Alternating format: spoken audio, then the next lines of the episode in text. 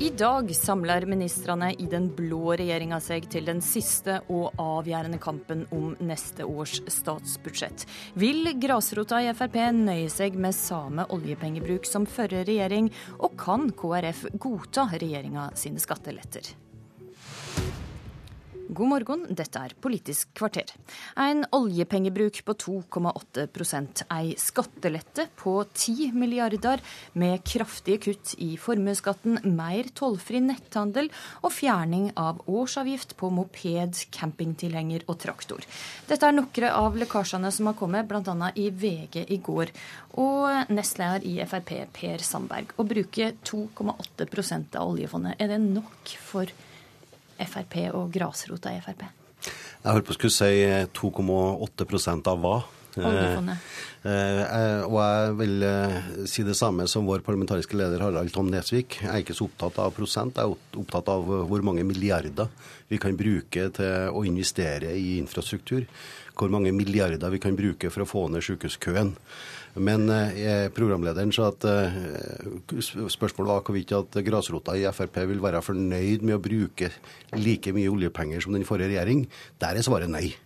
Eh, våre, våre, tillitsvalgte og folkevalgte vil nok bruke mer, flere milliarder enn den forrige regjering. Og Men ikke, nødvendigvis flere prosent? Og, og det er ikke i tvil om, om, at det, om, at det, skjer. Det kommer til å komme flere titalls milliarder mer inn i budsjettet i 2015. Et tall fra Dagens Næringsliv i går sier at oljefondet vil øke med flere hundre milliarder mer enn en trodde da en la fram revidert budsjett. Hvis en bruker 2,8 av avkastninga slik det er spådd i flere aviser, eh, så har en altså opp mot 20 milliarder kroner mer. Eh, det gjør jo saka litt lettere for dere? Ja, ikke lettere, men det forklarer litt i forhold til hvordan denne 4 %-banen eh, er litt umulig å forholde seg til.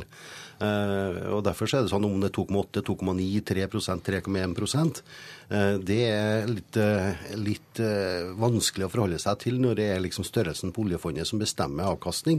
Men de fleste andre forholder seg til men, det. Men, og din, altså, din tidligere formann, Carl I. Hagen, sier til DN i dag at det blir oppvask på neste landsmøte om partilederen bare da i Hermedheim bruker 2,8 og flere av ditt i ditt eget parti har krevd at en bruker, bruker det rommet som er i handlingsregelen, og bruker 4% Ja, Det er ikke noe tvil om at i utgangspunktet så har eh, Fremskrittspartiets tillitsvalgte og folkevalgte ønske om å bruke flere milliarder.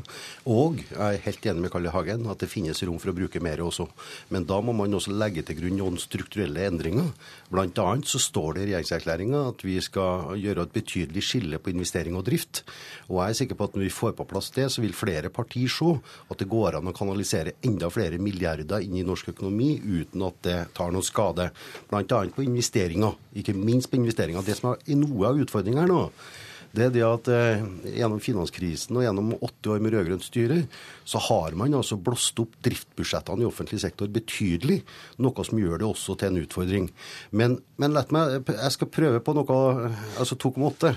Jeg er jo rimelig sikker på at 2,8 eh, blir for lite også. Da i 2000. Eh, jeg tror, og er optimist på at det blir høyere enn det. Du er optimist. Finanspolitisk talsperson i Høyre, Svein Flåtten. Blir du nervøs av eh, optimisten Per Sandberg, eh, som ønska, ønska mer enn 2,8? Nei, jeg blir aldri nervøs av optimister. Det er alltid bra. Men jeg forholder meg til det som ligger i regjeringserklæringen. altså At man er enige om at oljepengebruken den skal tilpasses situasjonen i økonomien til enhver tid innenfor handlingsregelen. Det betyr ikke at man skal bruke 4% men det betyr heller ikke at 2,9, eh, 2,8 Det er beløpene som er det viktige. For hvis vi bruker for mye penger, og økonomien blir opphetet, så vil følgende skje. Norges Bank er, skal drive pengepolitikken. Hvis de ser dette, så vil de øke rentene. Eh, da vil eh, norske krona og valutaen kunne få seg en, eh, om ikke smell, så i hvert fall en styrking.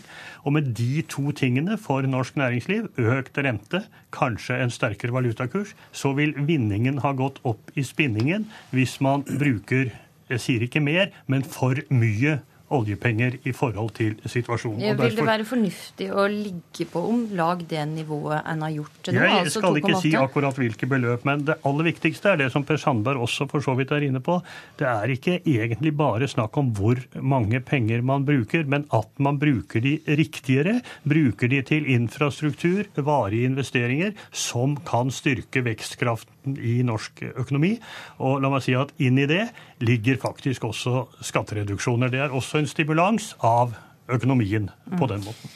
Litt eh, tilbake til denne utålmodige grasrota i Frp. Hva for område er det de har størst forventninger eh, på? Ja, der, der, der er jeg slett ikke i tvil. Det er infrastruktur eh, på alle områder. Men så er jeg helt enig i det. Særlig vei? Ja, særlig vei, og særlig distriktene. Altså, det har noe med, med med å skape vekstkraft. Eh, vi, det er en større sammenheng mellom næringsutvikling, vekst, bosetting og infrastruktur enn det vi noensinne har trodd. Og Derfor er det viktig at man har et større satsing på infrastruktur. Kom bompenger, da? Ja, bompengene. Der har vi jo da gått i en situasjon der at sammensetninga på Stortinget er der hen at, at 83% av de som sitter der, ønsker å videreføre eh, dagens politikk. Men, eh, men, samtidig så prøver vi etter beste evne da å få redusert kostnadene ved, med å få ned rentekostnader, administrasjonskostnader, Eh, gå inn med større statlig andel på de bompengeprosjektene som eksisterer. Men, men det, som er, det som er aller viktigst her, og det som blir sagt her også, det er hvordan man bruker pengene. Og det er jo det da tidligere formann i Fremskrittspartiet, Carl I. Hagen, har så rett.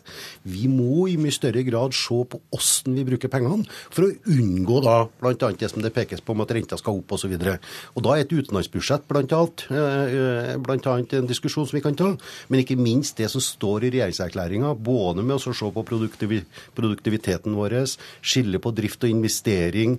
Alt det her det er like så viktig nå, eh, tror jeg, de neste årene å se på. og få en løsning på for å få kanalisert inn mer milliarder i, i, i, til å bygge infrastruktur og på andre områder. Hans Olav Syversen, leder i finanskomiteen og finanspolitisk talsperson i KrF.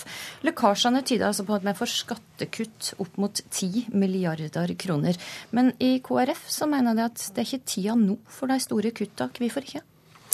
Det er flere grunner til det. For det første så venter vi på et eh, utvalg som skal si noe om selskapsskatten. Når vi ser eh, rundt oss, så ser vi at mange land reduserer selskapsskatten. Om de er eh, rød eller blå på farge i regjeringene, så gjør de det.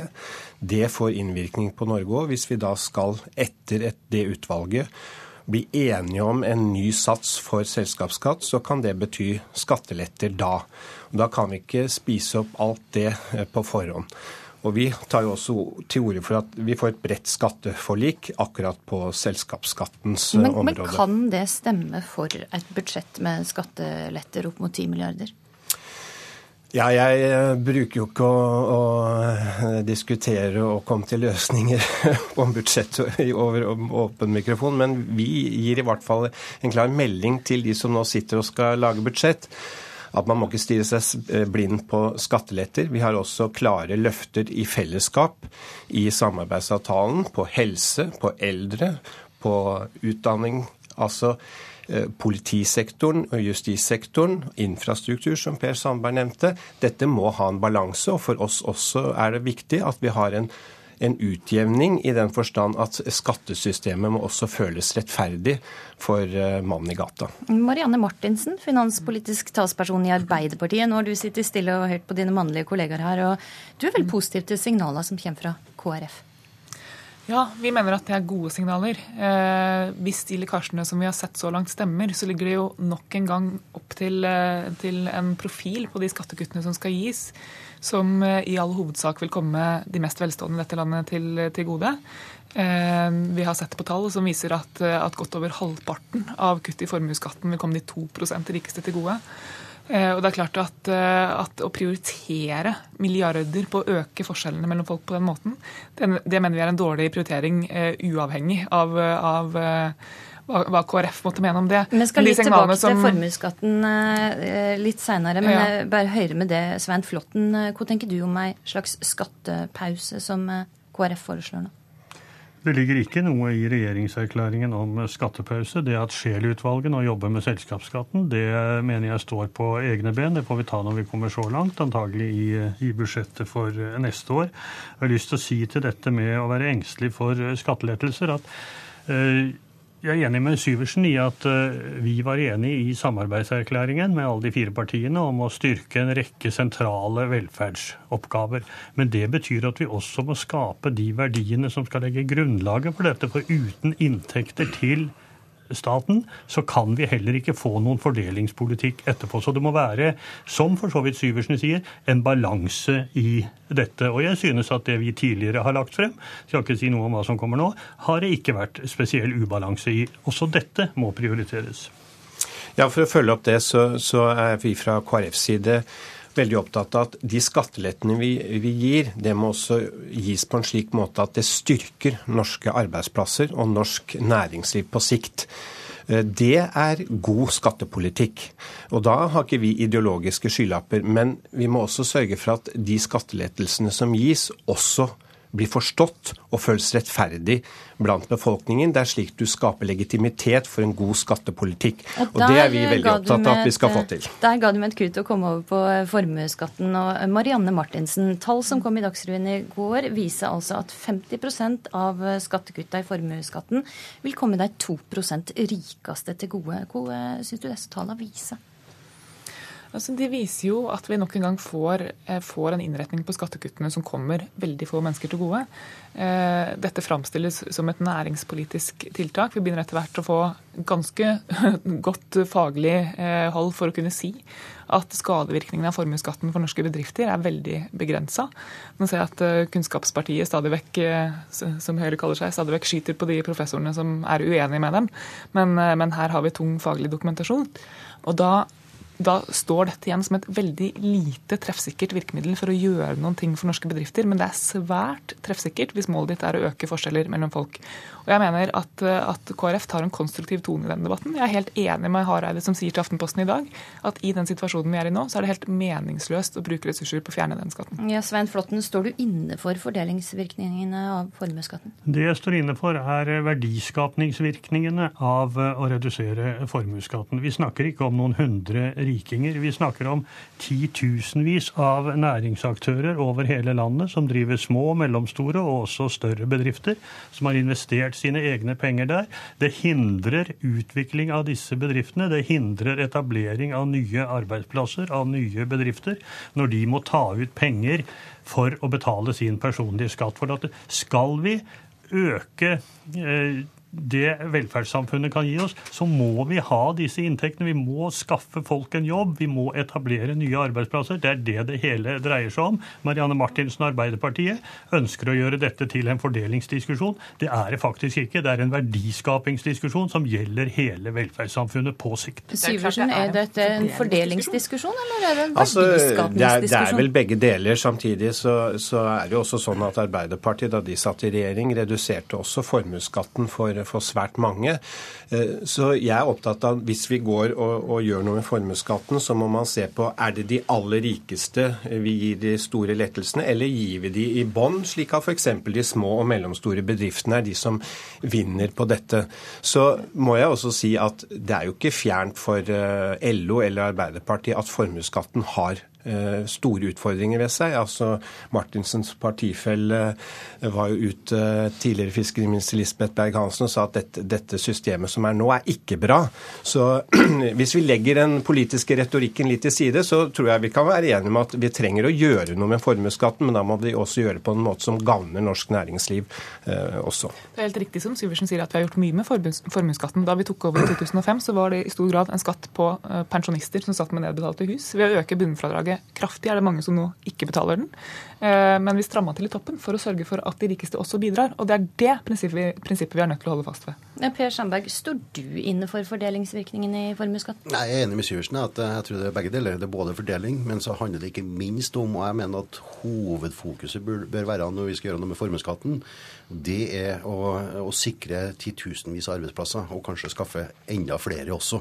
Det er det det handler om i bunn og grunn. Men i forhold til bare formuesskatten, formuesskatten, så må man se det i sammenheng med det utvalget som sitter nå.